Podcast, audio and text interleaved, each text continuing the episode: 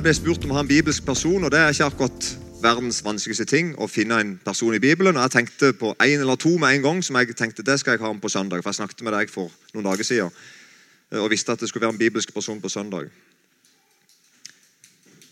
Og så ble, liksom, eh, ble det liksom en, en, slags omvei her som jeg skal fortelle dere nå. Det høres ut som ja. En bibelsk person, så spør jeg er du det. Eh, jeg kommer litt tilbake til det. Jeg var hos Jostein og Randi. Uh, Jostein har vært, sjefen min på Fjellheim bibelskole for noen år siden. Og Har du ikke vært i huset deres? Ja. Hvis du tar med et telt for eksempel, og setter opp inne i huset deres, så blir det et teltmøte. Eh, bare med å se på, på veggene rundt. Som, det er en enorm forkynnelse eh, i, på veggene deres. Jeg har aldri vært der før. Dette er et enormt stort maleri i, i størrelse som henger i stua deres. Jeg har fått lov til å vise det, så Iallfall Jostein. Jeg spør ikke Randi. Og Det første du ser, er jo at det er, det er jo Peter, er ikke det? da? Så tenkte jeg at det er jo akkurat Peter jeg hadde lyst til å si noe om. Så at jeg skal si noe om Peter her i dag. Peter som går på vannet, og så synker han. Og Så kommer Jesus gående på vannet og redder han. Men ser du nærmere etter på bildet, ser du et skip der.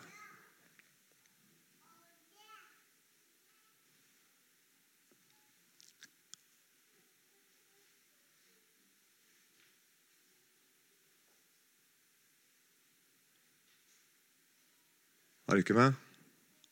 Det er ikke Peter som er der. Det er du. Når livet har gått gale, når du er lidd skipsbrudd. Når det ikke gikk sånn som du trodde det skulle gå. Så kommer Jesus til deg.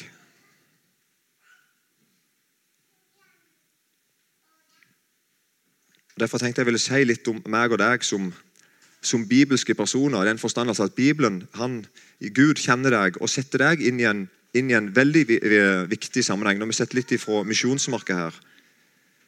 Jeg vil ta dere bare litt med til en kort fortelling fra Esekiel. og Det er egentlig ikke en fortelling, men Esekiel er en profet i Det gamle testamentet etter Jesaja og Jeremia. I en vanvittig turbulent tid i Israel. Der levde Esekiel. Og Esekiel typisk for Esekiel er sånn, du tror du finner det 13 pass i, Bibelen, i Esekiel-boken. At er, Du får et klokkeslett og en dato for når Gud snakket med ham. Veldig sånn konkret og nøyaktig og detaljert. Og Esekiel får sett alvorlige ting. Han blir bedt om å gjøre alvorlige ting. Han mister stemmen lenge, blir stum. Han får stemmen igjen. Veldig dramatisk. Og Samtidig som at det er veldig sånn nøyaktige datoer. og sånn, Når jeg får lese Esekiel, kapitlene der, så klarer jeg ikke helt å få tak i rekkefølgen på at Er det en fortelling som begynner i første kapittel og varer til siste kapittel med en slags kronologisk, historisk rekkefølge? Eller, eller er, det, er det humper litt att og fram? Alt det som stender der, skal det skje, eller har det skjedd? Er det, det syne, er det bilder? Hva er det for noe? Det vi i fall ser er at han får sett, det er iallfall et land som er på vei vekk fra Gud. De stoler ikke lenger på Gud. Midt i all sin religiøsitet. De legger egne planer. De, de inngår allianser med fremmede makter. Handler og bytter og stoler på hverandre mot det Gud har sagt. De stoler på sin egen by, sin egen makt, sin egen gudsdyrkelse. Samtidig som landet er delt, og mange er blitt bortført til fremmede land. Det vi i dag ville kalt for Irak, Babylon. Esekel blir sjøl bortført etter noen år. Og så er tanken liksom De hadde jo Jerusalem. De hadde jo tempelet. Det, det er ikke hvem som helst vi snakker om her. Vi snakker ikke om Sverige, liksom. Eller Norge. Vi snakker om Israel. Ikke sant? Jerusalem. Så tanken min i fall var at Gud var vel nødt til å være hos dem. De hadde jo tempelet. De hadde hele historien. altså Det, det er jo Guds folk. De er utvalgt av han. De er redda ut av Egypt for ham. De er, skjønner du, altså det, det er jo, Dette er jo ikke hvem som helst. Gud bor jo der i tempelet. Du kunne, gå, du kunne gå inn i byen og se at her er tempelet. Her, her er, dette er Gud sitt hus. Det er så stort at det er jo, eller var så stort at det ikke er måte på. Og fint. Så liksom tanken er jo at Gud kan jo ikke forlate dem. Jeg skulle til å si om han så ville. liksom. Han, han bor jo der. Og Så kommer da til kapittel 10 i Esekiel. Da har, I kapittel 3 og 4 og sånn, så har Esekiel møtt Gud. Han har sett noen veldig sånn kiruber og engler. Det blir beskrevet med noe sånn ja, Det er sånn rar, rart å se for seg hvordan de ser ut. da. De har hjul av en eller annen grunn, og det blir mye snakk om de hjulene. Og, det er kirubler, det er Guds vesener, livsvesener. Kiruber. Guds mektige skapninger. Så Det har vi møtt før i, i, um, i fortellingen, i, i, kapittel, helt i begynnelsen av Esekiel. Så kommer vi til Esekiel 10. Da tar Gud han med og så får han sett noe. Han får sett noe helt dramatisk. Det er noe av det verste jeg leser i Bibelen. Jeg er blitt helt sjokkert over det. Jeg har ikke, lest det før for noen uker siden. Jeg, jeg, jeg, kommer ikke på at jeg har lest det før. Jeg, jeg må bare over, oversette, det. Esekiel får sett at kirubene stender på høyre side av huset da mannen gikk inn. Og den mannen det var en mann i, i linklær. Og skyen fulgte den indre forgården. Nå ser han altså i tempelet, ikke sant? i forgården i tempelet. Og Herrens herlighet løfta seg opp fra kiruban og flytta seg til hus, husets dørterskel. Hva er det som skjer for noe? Guds herlighet er på vei ut av tempelet. Gud er nå i ferd med å forlate sin egen bolig.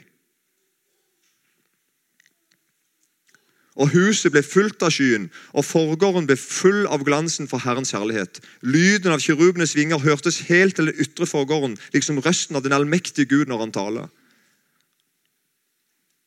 Så kom noen vers videre. Og Herrens herlighet flyttet seg bort fra husets dørterskel og ble stående over kirubene. Nå flytter Gud først ut til dørterskelen i sitt eget hus. Og så flytter han ut av huset. Jeg så hvordan kirubene løftet vingene og hevet seg på jorden da de gikk ut, og hjulene ved siden av dem.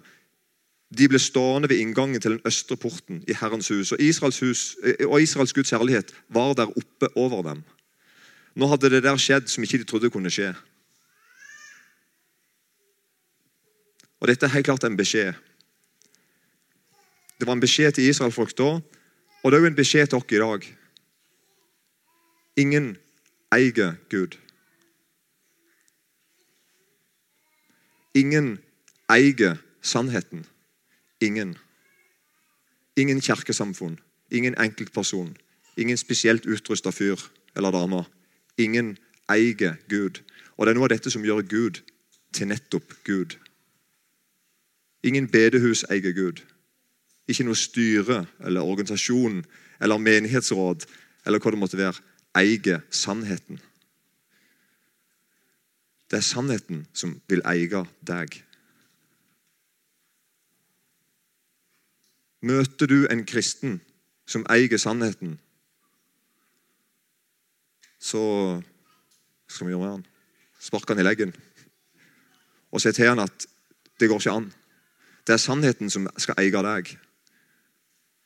En kristne, for en kristen vil det alltid være sånn at det er sannheten som eier deg. Jeg blir nødt til å bøye meg for sannheten.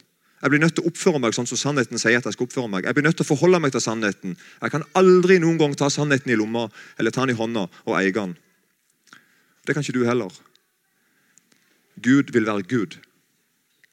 Og Det får Esekiel sett han også til det grader. Du kan ikke putte Gud inn i et hus og si at du er nødt til å være der. Og så kan vi oppføre oss som vi vil i mellomtida. Hva som hadde skjedd i dette tilfellet? to kapittel før, i Esekiel kapittel 8. Det var rett og slett avgudsdyrkelse inne i tempelet. Her er bare et lite klipp fra Esekiel 8,6. Han sa til meg, altså Gud sier til Esekiel og kaller Esekiel for menneskesønn. Ser du hva disse gjør? Store motbydeligheter er det Israels hus gjør her. Så jeg må dra langt bort fra min helligdom. Men du skal ennå få se flere store vemmeligheter. Og han førte meg til inngangen av forgården, og jeg så og se det var et hull i veggen. Og så får Esekiel lov til å kikke inn, eller blir nødt til å kikke inn i det hullet i veggen. og Jeg gidder ikke å lese, jeg kan lese det sjøl i kapittel 8. Hvor de holdt på med inni, inni Guds tempel, foran Guds åsyn, på en måte.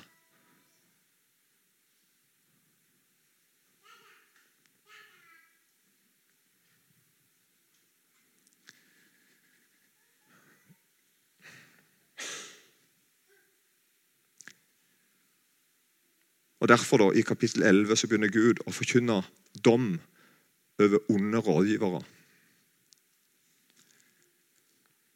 Jeg har skrevet her 'stakkars feige ledere'. Og jeg mener det.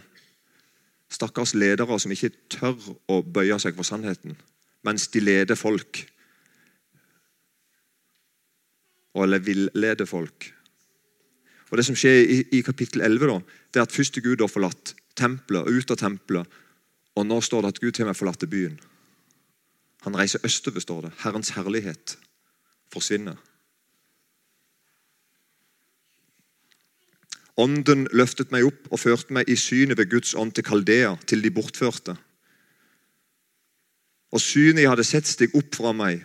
Jeg talte til de bortførte alle de ordene som Herren hadde latt meg se. Så nå forteller Esekiel hva han, hva han har sett. Han reiser til de som allerede er bortført, som ikke lenger ser Jerusalem, ikke ser tempelet, som er i fremmed land. Og så sier da Bibelen de hadde dårlige hyrder, altså dårlige ledere.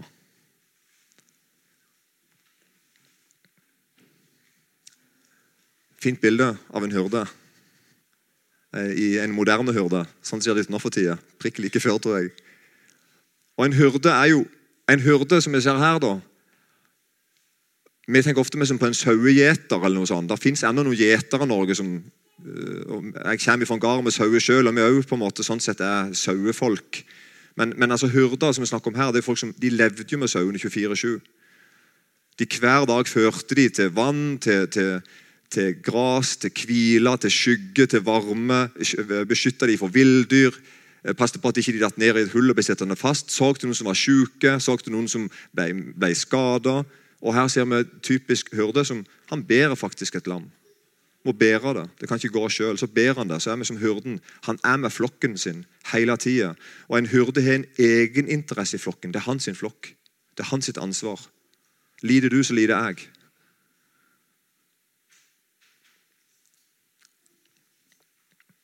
Og Det er jo dette bildet på en måte som Esekiel bruker ordene. Bibelen er full av hyrde og sauesnakk. ikke sant? Jesus òg snakker sånn. Og her I Sekel 34, da, som er som et domskapittel over lederen, så sier så Herrens ord kom til meg, og det lød så. Menneskesønn, profeter mot Israels hyrder. Profeter og si til dem, til hyrdene. Så sier Herren Herren ved Israels hyrde, som røkte seg sjøl. Er det ikke jorden hyrdene skal røkte? Er det ikke med på greia?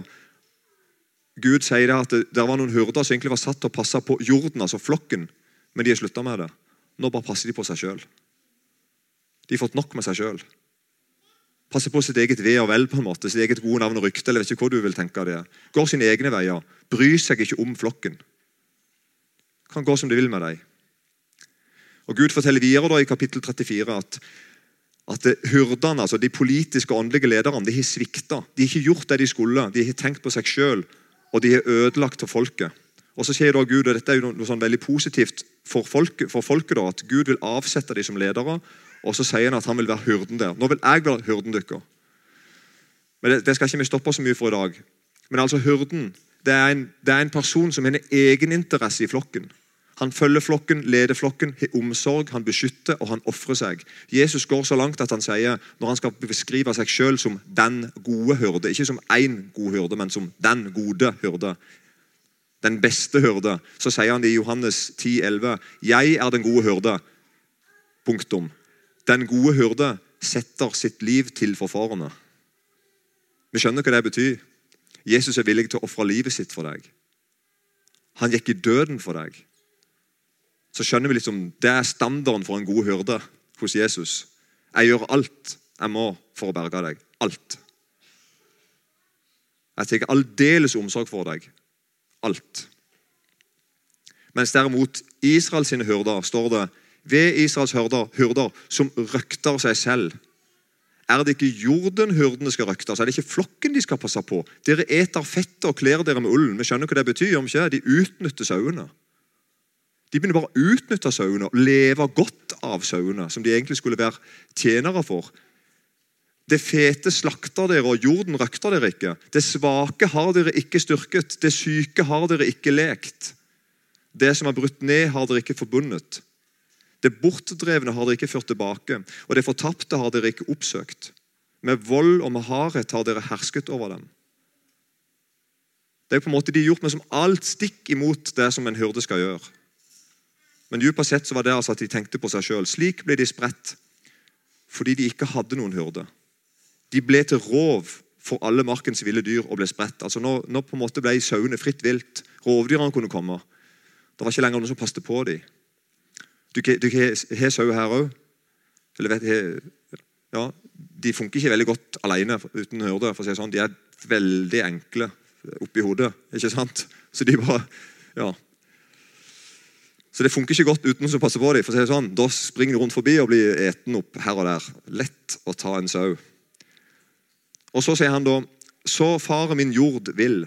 På alle fjell og på hver høy bakke over hele landet er min jord spredt. Det er ingen som spør, og ingen som leter etter dem.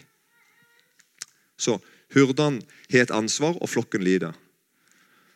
Hva, hva, var det de dårlige hyrdene egentlig gjorde? Nå vet vi at jo, de var en haug de tenkte på seg selv. Sånn. Ja, ja, men hvordan, de hvordan så dette ut sånn i dagliglivet? Hvordan så det ut i praksis? Hva var det hyrdene gjorde? Gikk de rundt sånn og sammen som jeg tenker på meg selv? Og, og sånn, eh, men sånn, Presenterte de seg som det? Nei, i kapittelet før, det der domskapittelet, i kapittel 33, så får vi sett noe inn i det. Her sier Gud til Esekiel, ditt folks barn, altså folkene i landet, de taler sammen om deg. De taler sammen om deg, de snakker om deg. Dette sa jeg litt om på torsdag på sen, eh, fredag på senkveld. At folkene, altså Innbyggerne de snakker om deg i Esekiel. Eh, både med veggene og i husdøren. Vi ville ha sagt vel på Prix eh, og, og på Coop-en, på Reman eller noe sånt. Og alle sier det til hverandre. Kom og hør hva det er for et ord som kommer fra Herren. Så kommer de til deg i store skarer, de setter seg foran deg som mitt folk og hører dine ord. Altså det, Gud sier til Esekiel folk syns du er en god predikant. Folk snakker positivt om deg, og de kommer gjerne å høre på når du forkynner. Sant? De kommer og, og hører dine ord. Men de lever ikke etter dem. Er du ikke med? Og så fortsetter Gud. Med sin munn taler de mye om kjærlighet, men deres hjerte har lyst til urettferdig vinning. Så du er for dem som en, en som synger kjærlighetsvise, en som har vakker røst og en dyktig til å spille på et instrument.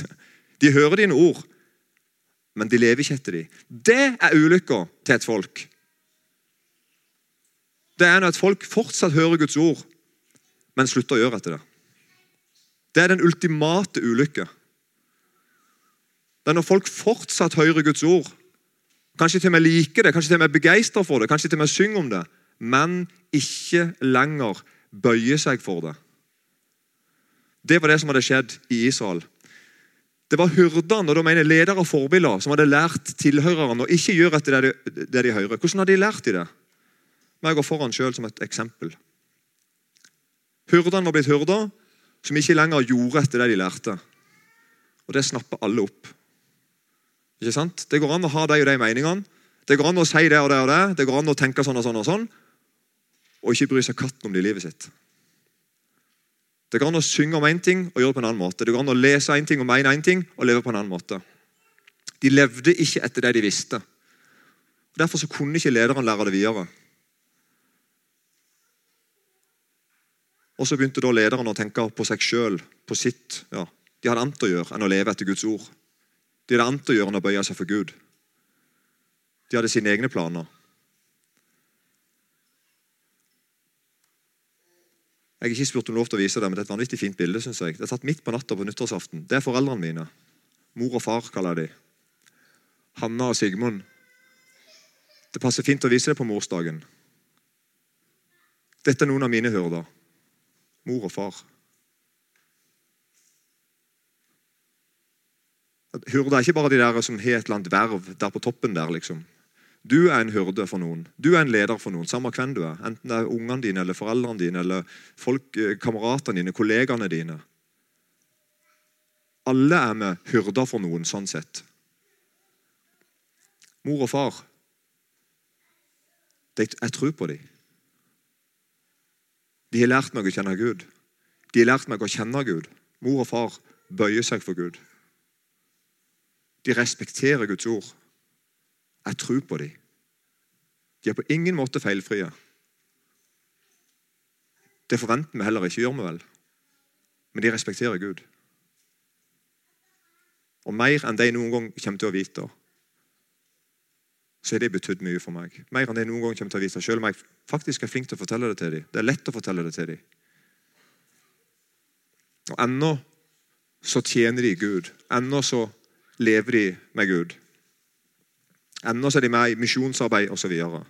Far er fortsatt med i gutteforening. Han er snart 90 år, faktisk. I den grad det er så viktig å være med der, da. Men, men jeg tror på dem.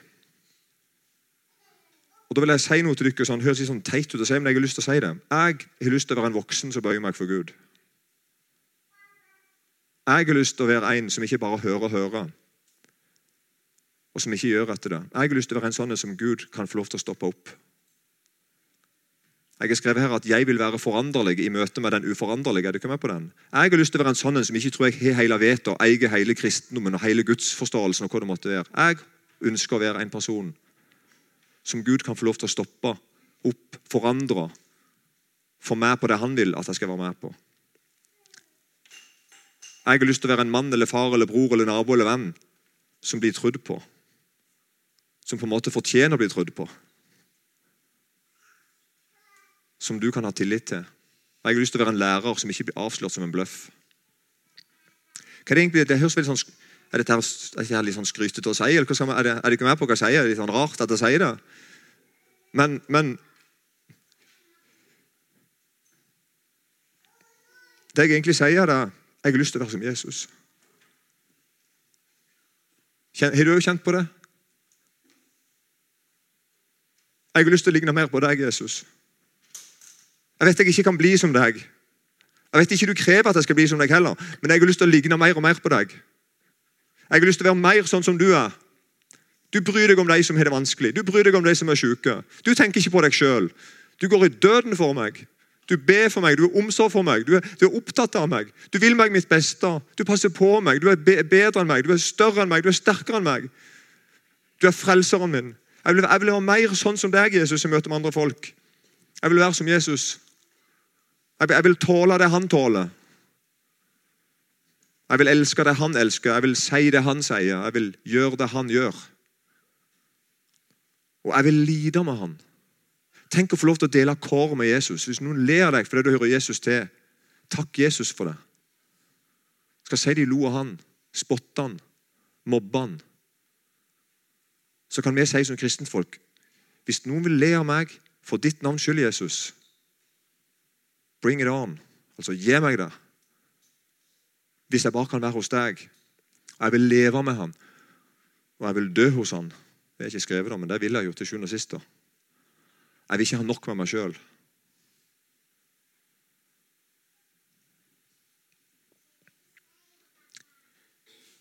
Sånn må vi ha det med Jesus, at det er han som er Åh, Jeg er så lei av religion.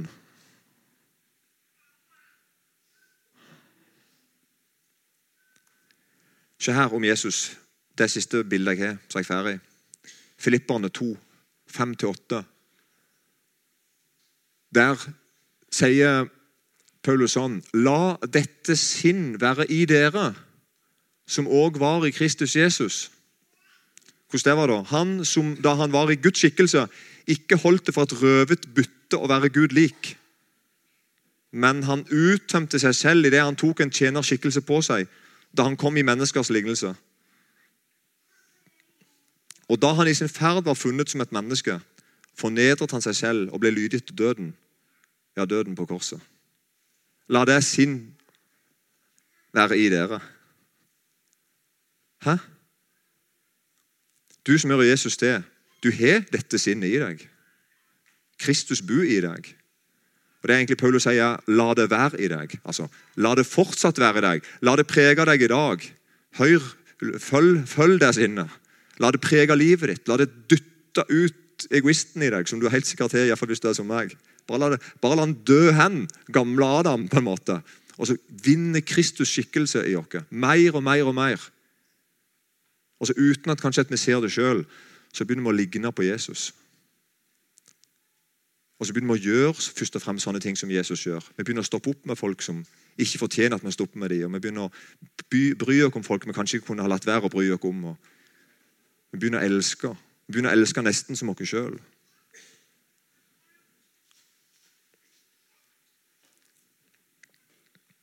Kjære Jesus. Takk at du er den gode hyrde. Takk at du elsker meg uten at jeg brydde meg noen ting om det. Takk at du bestemte deg for å gjøre det før jeg spurte deg om det. Takk at du er trofast og rettferdig. Takk at du vil være hyrden vår. Be for denne forsamlingen her. Jeg ber om at du må få lov til å være herre i livet til hver og en enkeltperson her. Takk at du vil det. Takk at du vil lede oss til hvilens vann.